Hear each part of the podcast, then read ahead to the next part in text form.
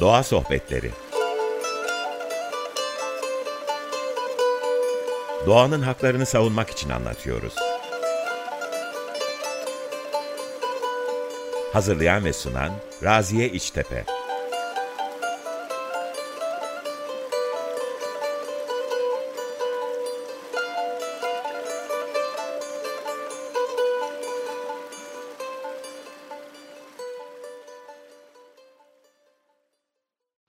Merhabalar, Doğa Sohbetlerine hoş geldiniz. Ben Raziye İçtepe, 95.0 Açık Radyo'dayız. Doğa Derneği'nin desteklediği sohbetlerimizde bu hafta da madencilik konusunda e, konuşmaya devam edeceğiz. E, üç seriden oluşuyor biliyorsunuz bu konu.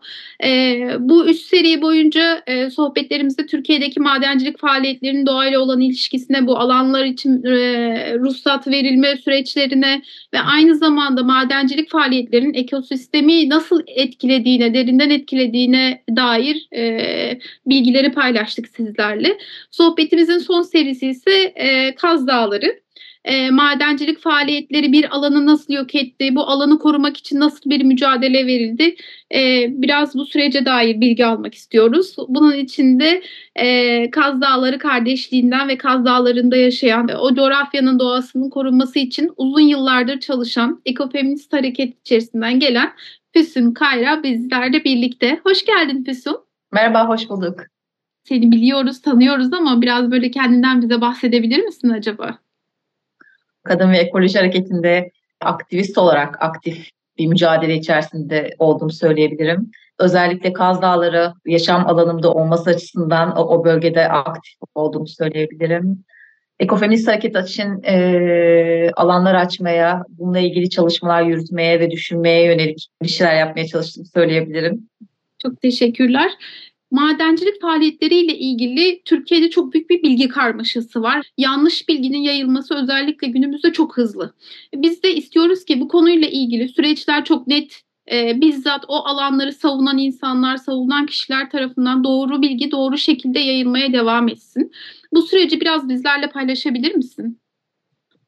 Yani aslında Kaz Dağları'nın başındaki bir felaketi genel olarak tanımlamak gerekiyor galiba bu anlamda. Çünkü e, yani çok büyük bir alandan bahsediyoruz tabii. E, madenciler Kaz Dağları e, diye bahsetmemize pek izin vermiyorlar e, genelde ama Kaz Dağları silsilesinin olduğu bir yöreden bahsediyoruz. Yani Biga Yarımadası'ndan e, bütün Kuzey Ege'yi kapsayan böyle 1 milyon 697 bin hektarlık bir alan burası. Ve bunun %79'u ruhsatlı. Yani 1 milyon 294 bin gibi bir sayıya denk geliyor bildiğim kadarıyla ve yüzde 41'i de aktif e, ruhsatlı bir alandan bahsediyoruz. Yani bu kültürel ve ekonomik anlamda bölgedeki nasıl bir yıkımın e, hakim olduğunu gösteriyor bize aslında. E, o yüzden mücadele alanı çok geniş ve mücadele alanı olarak da çok zorlu bir alandan bahsediyoruz. Bütün ülkenin genelinde duyulan ve bilinen adıyla Kaz Dağları direnişi e, Alamos süreciyle başladı biliyorsun. Hani bu alan üzerinden e, anlatmak istersek eğer başlarsak da 2017 yılında ilk e, Alamos e, çalışmalarına başlarken e, yol e, çalışmalarında ağaç kesimlerine başlamıştı. Süreç böyle başlamıştı. 2019 yılı Temmuz ayı itibariyle çok ciddi bir kesim yaptılar. Bütün ülkenin gündemine düşen kesimden bahsediyoruz. Kendi chat raporlarındaki e, sayı 45 bin civarındayken Orman Bakanlığı 65 bin diye açıklarken aslında uydu görüntüleriyle gördük ki 300 bine yakın ağaç kesildi. Bölge e, Kaz Dağları'nın kuzey yamacında yer alıyor. E, e, yani sadece o bölgede bulunan 7 endemik tür var. Zaten Kaz Dağları'nın genelinde 32 endemik tür sadece dünyada sadece Kaz Dağları'nda 32 yetişen 32 endemik türden bahsedebiliyoruz biz ve Kiraz'ın olduğu kısım 7 endemik türün bulunduğu bölgeydi. Karaçam, Kızılçam, Meşe'den oluşan bir ormanlık alandan bahsediyoruz.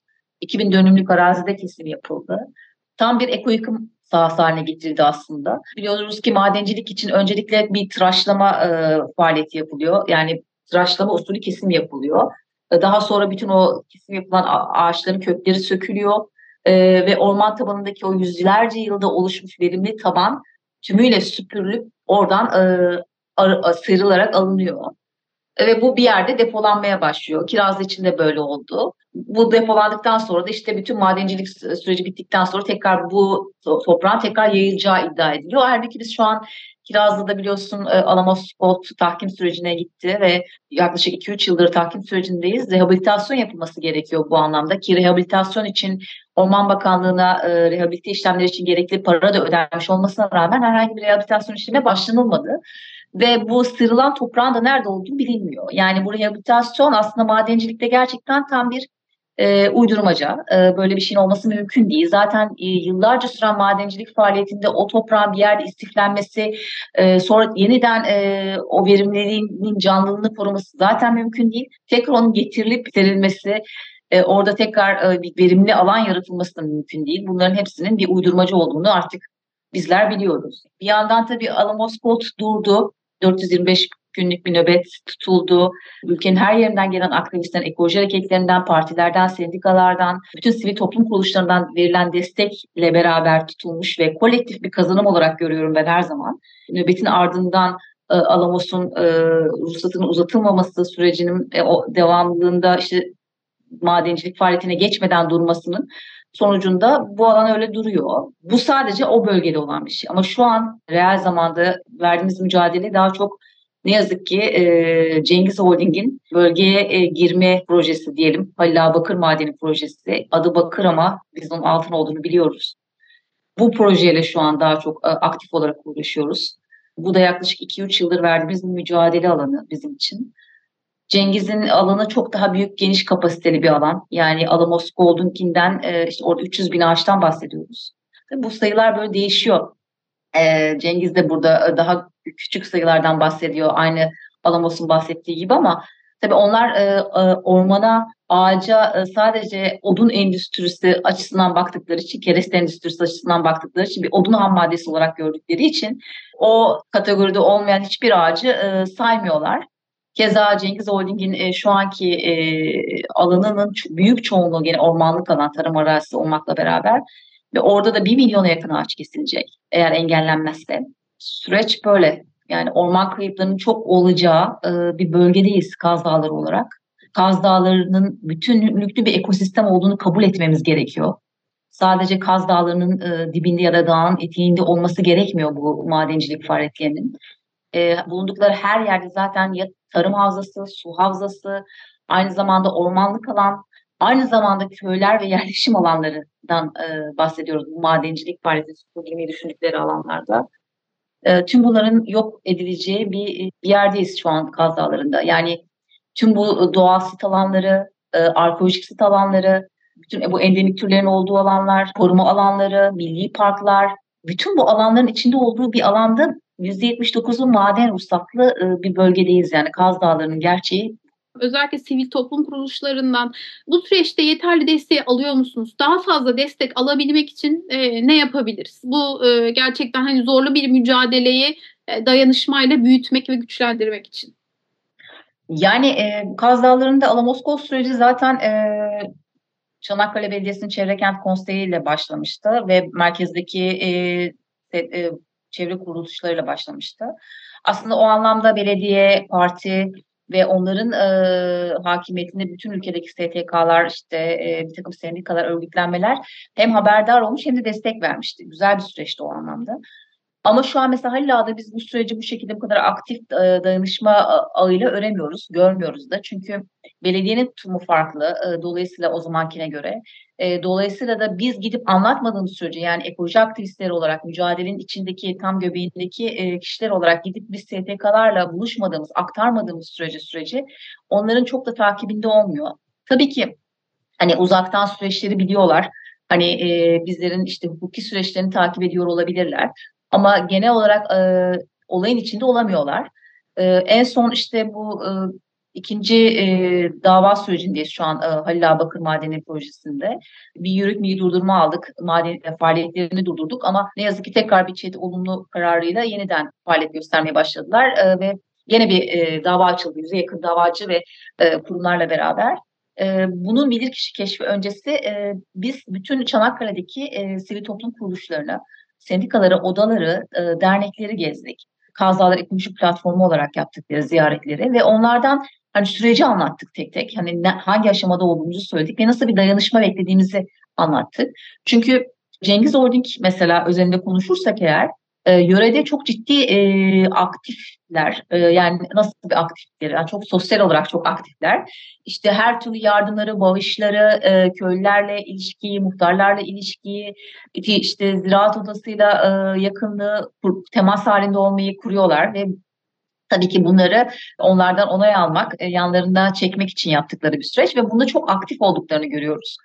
Ama böyle bir aktiflik mesela STK'lar nezdinde bizimle ekoloji hareketindeki işte aktivistlerle STK'lar arasında böyle sosyal e, hareketlilik yoktu.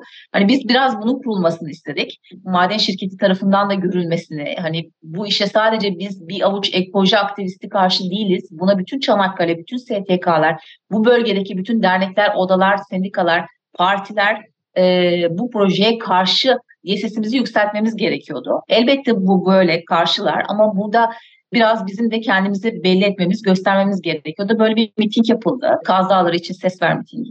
Güzel de oldu. Her partiye, her oluşuma söz verildi, konuşuldu. Hepsine bunların buradaki gelişmeler aktarıldı. Bu sürecin takipçisi olacaklarının sözleri alındı. Yani şu an kritik bir aşamada değiliz henüz. Çünkü dava süreci devam ediyor.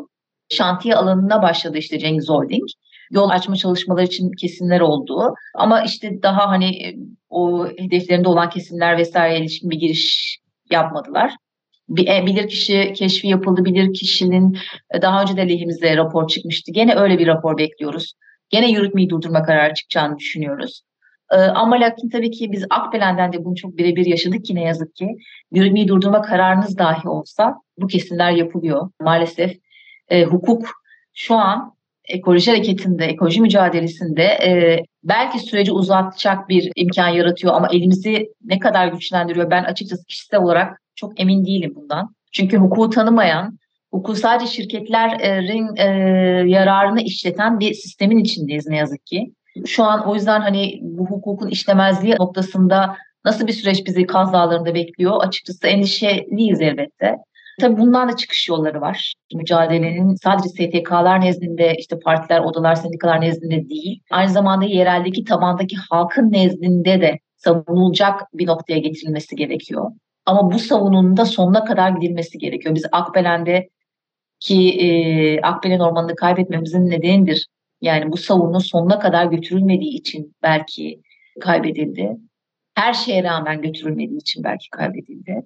Yoksa orada da direniş halen devam ediyor, nöbet devam ediyor. Ee, Akbelen Ormanı'ndan vazgeçilmeyeceği her daim söyleniyor. Ama lakin e, bir ormanı kaybettik.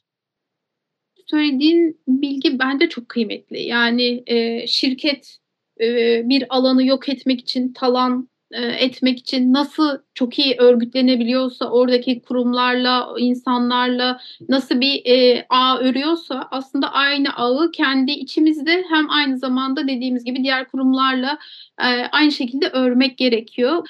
Böyle sohbetimize kısacık bir mola vermek istiyorum. Daha sonra e, tekrar sizlerle birlikte burada olacağız. Tekrardan merhabalar. 95.0 Açık Radyo'dayız. Doğa Sohbetleri programımız kaldığımız yerden devam ediyor. Kaz Dağları kardeşliğinden Füsun Kayra ile birlikte Kaz Dağları'ndaki madencilik faaliyetlerine karşı e, verilen mücadeleyi konuşuyoruz. Ee, her mücadelenin farklı bir parmak izi var. Hani çünkü coğrafyası, oradaki kültürel dinamikleri, toplumsal dinamikleri çok başka. Ama, e, mutlaka her mücadeleden çıkarttığımız dersler var, öğrendiğimiz dersler var. Peki bu Kaz Dağları sürecinden çıkarttığınız dersler neler? E, ve e, diğer kurumlar, STK'lar bunu e, bu mücadeleyi kendi alanlarındaki mücadeleleri yaparken temel olarak yapmamaları gereken ya da ya, e, yapmaları gereken şeyler ne? Kaz Dağları süreci aslında hani e, sosyolojik olarak da aslında çok e, farklı bir boyutta değerlendirilmesi gerekiyor bence. Diğer hani mücadele alanlarına göre. Çünkü ülkenin bütününe yayılmış, bütünü tarafından sahiplenilmiş ve bütünün aktif olarak katılmak üzere yöreye intikal ettiği bir direnişten bahsediyoruz. Ve büyük bir kısmı da o direnişin e, çerçevesinde orada nöbet tutup nöbete kalıp belli zaman dilimlerinde de olsa bu, e, vücuden de bulundular. Yani bu aslında çok kıymetliydi. Biz bu süreci Kaz Dağları'yla başlattık. Mesela Akbelen'de de buna benzer bir süreç devam etti. Ama mesela Akbelen'deki sayıyla kıyaslandığında Kaz Dağları'nda muazzam bir kalabalık oluştu. Yani milyonlarca insan geldi neredeyse. Bu tabii çok ses getiren bir şey.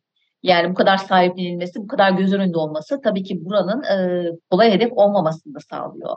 e, şirketlerin geri adım atmasını sağlıyor. Alamos Gold'da bizim şöyle bir avantajımız var. Yabancı bir şirket olması dolayısıyla tabii onlar borsadaki değer kayıplarını, e, işte prestij kayıplarını da çok önemsiyorlar ne yazık ki yerli şirketlere göre. Dolayısıyla hani e, geri adım atmaları e, daha kolay oldu bu açıdan. Burada önemli olan şeyin kolektif bir sahiplenme ve dayanışma e, kurabilmek olduğunu düşünüyorum. Burada tabii hiçbir partinin, hiçbir oluşumun kendini öne çıkartmadan, e, kendini bir adım daha önde göstermeden, herkesin o yatay örgütlenme içerisinde yani bir örgütlenme olmasa da yatay bir e, dağılımla yer alabildiği, e, sesini yükseltebildiği bir alan yaratmak galiba e, elzem ve önemli olan. Çünkü genelde mücadelelerde bu kritik nokta kaybedildiğinde aslında sıkıntılar baş gösteriyor benim gördüğüm. Ee, burada yerel halk e, eğer mücadelenin içinde birebir olarak varsa, içindeyse eğer zaten önce yerel halkın, yerelde mücadele edenlerin en önde durması ve onun arkasında da bütün bu yatay e, yapının kurulması gerekiyor. E, ancak böyle başarıya ulaşılabiliyor aslında. Yerel tabandan böyle bir mücadelenin içinde yer alan bir ekip var mıydı? Hayır yoktu. Yani e, Alamoskol sürecinde yoktu. Şimdi Halil sürecinde köylerle ilişki içerisindeyiz. Hani köylüler davacı oldular. Pek çok köylü arazisini satmadı. Ee, ama e, genel anlamda köylülerin itirazı yüksek olmakla beraber pek çoğu tarafından da arazilerin satışının yapıldığı ki bu Akbelen'de de böyle oldu. Arazilerin satışının yapıldığı, hani mücadele etmeme kararı aldıkları e, ve topraklarından, havalarından, suylarından vazgeçtikleri bir süreçte de olduklarını görebiliyoruz. Böyle bir süreçte tabii biz daha çok dışarıdan gelen yani hem Çanakkale bölgesi hem e, madeni yapılacağı alana yakın bölgelerde oturan hem bizim gibi dışarıdan yerleşimci olanlar hem de o bölgenin insanıyla e, hareket halinde olduk. Ama gene de eşitlikçi e, işte forumların olduğu, forumlarda kararların alındığı e, bir yapılanma oluşturulmaya çalışıldı ve bunun e, doğrultusunda 425 gün nöbet tutularak e, orada bir süreç desteklenmiş oldu. Bu önemli tabii ki. Yani çok e, kolay olmuyor tabii böyle alanlarda. Çünkü bu, bu alanları kendi bir takım dinamikleri için kullanmak isteyen bir takım oluşumlar da mevcut olabiliyor. Oradaki ekolojik mücadelenin önüne geçmesine izin vermemek gerekiyor. Bunlar çok kritik noktalar. Bunlarda başarılı olunduğu sürece aslında mücadelede kazanım elde edebildiğini düşünüyorum ben. Öbür türlü çünkü hem e, kolay hedef haline getirilebiliyor, şirketler tarafından da kolay hedef haline getirilebiliyor hem farklı bir algı yaratılarak işte mücadeleye e, çamur atılabiliyor. Dolayısıyla bunlara izin vermemek de lazım. Yani kolektif bir dayanışma ağı, kolektif bir ruh yakalanması gerekiyor. Aslında toplumsal hareketlilik olarak da çok enerjisi yüksek alanlar oluyor bu alanlar. Ülke genelinde bir sürü büyük haksızlıklara uğranılan bir dönemden geçiyoruz ve artık ekoloji mücadelelerinde direkt yaşam alanlarına, canlılara, yaşayan canlı varlıklar olarak ağaçlara, ormanlara saldırılmasına hiç kimsenin tahammülü kalmadı. Hani ve buna müsaade etmek istemiyorlar. Bu çok güzel böyle direnç göstermesi insanların ve bir araya toplanması çok kıymetli. Ama dediğim gibi bu toplanmayı, bu bir arada olmayı kolektif bir şekilde örgütlemek lazım. Kolektif bir şekilde bir arada durmayı sağlamak lazım. E, yerel halkın dışarıdan gelen desteklere e, açık olması, onlarla e, bir arada bu işi yürütebilmelerini sağlamak lazım. Çok kolay süreçler değil e, çok büyük handikaplar, çok büyük ayrışmalar, kopmalar, fikir ayrılıkları olabiliyor mücadeleler içerisinde. Ama e, bir şekilde aşılabiliyor. Hep birlikte saf tutulursa da aslında kazanımlar oluyor, olmuyor değil. Hukuki süreç bir yere kadar süreci uzatıyor. Elimizi bir, şekilde bir anlamda güçlendiriyor belki ama e, buradaki esas e, yani nasıl bir savunu kurmak, nasıl bir e, yetişebilmek tüm bunlara hani mucize gibi bir şey aslında bakarsam. Çok kolay değil. Kaz Dağları'nın 179'undan bahsediyoruz. Hangi birine yetişebiliriz? Hangi faaliyeti durduracağız? Hangi birine dava açacağız? Hadi davaları açtık. O süreçte nasıl takip edeceğiz? E zaten e, hani ekoloji mücadelesini yürüten hani bir avuç insanız hemen hemen. Her yerde var olmaya da çalışıyoruz bir yandan ama kolay mı? Değil. Orman savunuculuğu, doğa savunuculuğu gerçekten çok zorlu, çetin bir alan. Anayasal hakkımızı kullanmaya çalışırken darp ediliyoruz, iftiraları uğruyoruz, hakkımıza davalar açılıyor. Yani öyle ağır süreçleri olan bir mücadele alanı ki çok kolay değil elbette bu mücadele alanı nasıl kuracağımız sorusunun karşılığı. İnat edilmesi gerektiğini düşünüyorum. Yani zaten genel olarak direnmede inat edilmesi gerektiğini düşünüyorum.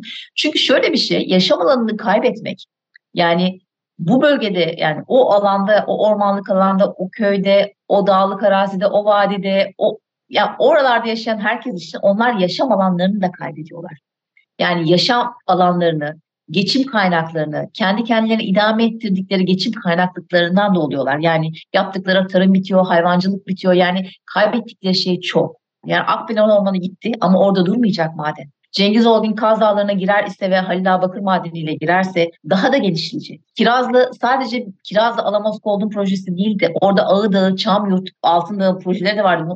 Öyle bir amaçları vardı ki bütün Avrupa'nın en büyük madenciliğini kurmaya çalışıyor. Yani görünen yüzüyle bakmamak lazım. Madencilik aslında böyle altında gerçekten çok derinlere inen e, bir yapıya sahip. Ya Halla'da bakır çıkartmayı düşünen Cengiz Holding altın çıkartacağını da itiraf etti son bilirkişi keşfinde. Yani bu insanlarla e, dürüstçe savaşmak çok mümkün değil çünkü hiçbir şekilde dürüst değiller. Elleri çok güçlü. O yüzden e, inat etmek, direnmekten vazgeçmemek gerekiyor. Mücadelenin büyütülmesinden vazgeçmemek gerekiyor. Yani bir ormanı kaybedebiliriz evet. Akbelen'i kaybetmek gerçekten bu yok oluş çağında hani benim yüreğimde hissettiğim derin acı olarak kalacaktır herhalde. Yani ailemden birilerini kaybetmiş gibi hissediyorum. Aynısının Kaz Dağları'nda böyle e, Hacı Bekirler'de işte Halil Hacı Bekirler ve Muratlar Köyü'nde yapılması düşünülüyor Cengiz Holding'in projesinin. Her gittiğimde orada iş makineleri, böyle dümdüz edilmiş alanlar, tıraşlanmış alanlar, yok edilmiş bir köy, yok edilmiş ormanlık alanları hani tahayyül etmek, bunları e, gözüm kapattığında görmemek mümkün değil Akbelen'den sonra. Ve bu gerçeklikle yaşamak gerçekten çok zor. Ama işte bu vicdanı muhasebeyi, bu e, vicdani rahatsızlığı herkesin yüreğinde hissetmesini sağlamak lazım belki. Ancak böyle kurtarabiliriz buraları. O yüzden herkese anlatmamız gerekiyor. Yani tek tek yılmadan, durmadan. Yani bazen yılgınlık gösterebiliyoruz işte köylüler anlamıyor olabilir ya da biz onlara yeterince aktaramıyor olabiliriz. Çok zor, zorlu mücadeleler çünkü. Yani çünkü söylediğimiz şey şu an olmayan ama ileride olabilecek bir felaketin haberciliğini yapıyoruz biz onlara. Ve bu onlar için hani kabul edilmesi çok zor bir şey olduğundan kabul etmek istemiyorlar. Reddediyorlar böyle bir şeyin olacağını. Devletin yanlarında olacağını zannediyorlar. Böyle düşünmek istiyorlar. Hani ya da devletin verdiği bir kararla değiştiremeyeceklerini düşünüyorlar. Yani çaresiz ve e, bir şey yapamaz halde hissediyorlar kendilerini asla e, yapacağımız şeyler tükenmez. Biz mücadele azminden, direncinden kaybetmediğimiz sürece ve ekoloji aktivistleri olarak bunu anlatmaktan e, yılmadığımız sürece, anlatmaya devam ettiğimiz sürece kazanımlar sağlayacağımızı ben inanıyorum. Yani yüzyıllardır yaşadıkları toprakları kaybediyor insanlar. Yani ciddi bir mülksüzleştirme var. E, ve o alanlardan uzaklaşmaları isteniyor onlardan aslında yaşamlarını kaybediyorlar. Yani bunun ötesi yok. Yani ciddi bir yok oluşun öncüleri bunlar. Kaybedecek hiçbir şey olmayacak insanların mücadelesi aynı zamanda bu alanlar. Dolayısıyla o inat, o direnç devam edecektir diye ummak istiyorum ben. Sadece bunu daha çok anlatmamız, daha çok insanı e, bu vicdan muhasebesini yapmaya yöneltmemiz gerekiyor. E, elbette devlet ya da şirketler böyle bir vicdan muhasebesi yapacak duruma gelmeyecekler hiçbir zaman. Bu çok net. Belki devletler değişse de, iktidarlar değişse de değişmeyecek bu yapılar. Biz biliyoruz ki bu vicdanı insanlara yayabilmeyi başarabilirsek, bu mücadele alanları her zaman ayakta dimdik durabilirse, evet bu mücadeleleri kazanabiliriz. İnanmaktan geçiyor her şey. Kesinlikle öyle. İnanmak ve direnmeye, inatlaşmaya devam etmek. Eee, çok kıymetli söylediğin gibi. Yavaş yavaş sohbetimizin sonuna geliyoruz. Eklemek istediğin başka şeyler var mı? Ekoloji mücadelesine tabii ekofeminist bakış açısından da biraz bu alanda da mücadele veren birisi olduğum için hani girmek de isterim. Biraz doğayla olan ilişkilenme halini kurmakta aslında belki farklı perspektifler, farklı yollar seçmek gerekiyor gibi düşünüyorum ben. Yani doğanın yaşayan bir canlı ağ olduğunu, bizim sadece o an küçük bir parçası olduğumuzu, kendimizi merkeze almadan tüm canlılarla ortak bir yaşam ağının içinde olduğumuzun fikrinin aslında teorisi ekofeminizmde var. Bunun belki yaygınlaştırılması lazım. İnsanı merkeze alan, doğayı metalaştıran bir anlayışın dışına çıkmanın tek anahtarı bu çünkü. Bütün bu yaşamsal ağın bir parçasıyız sadece. Onun üzerine tahakküm kuracak, onun ona hükmedecek bir bölümü değiliz biz ve büyük bir yok oluşa giderken de dünyanın başka bir seçeneği yok. Bu yaşam ağının parçası olduğunun fikrini e, kabul etmesi ve buna göre davranmaya başlaması gerekiyor. Başka türlü bu yok oluşu insan eliyle yaptığımız, insanı merkeze koyarak yaptığımız bu büyük hatayı düzeltme şansımız olmayacak çünkü. Hızlıca bir yok oluşa gidiyoruz. O yüzden tüm bu yaşamsal ağın e, bir parçası olduğumuz fikrine e, daha yakın durmak, özümsemek gerekiyor galiba. Teşekkürler. Son kısımla zaten bütün her şeyi tamamen birbirine bağladın. Ağzına sağlık. Verdiğin bilgiler için çok teşekkürler. Doğa Derneği tarafından desteklenen başka bir doğa sohbetinde buluşmak üzere.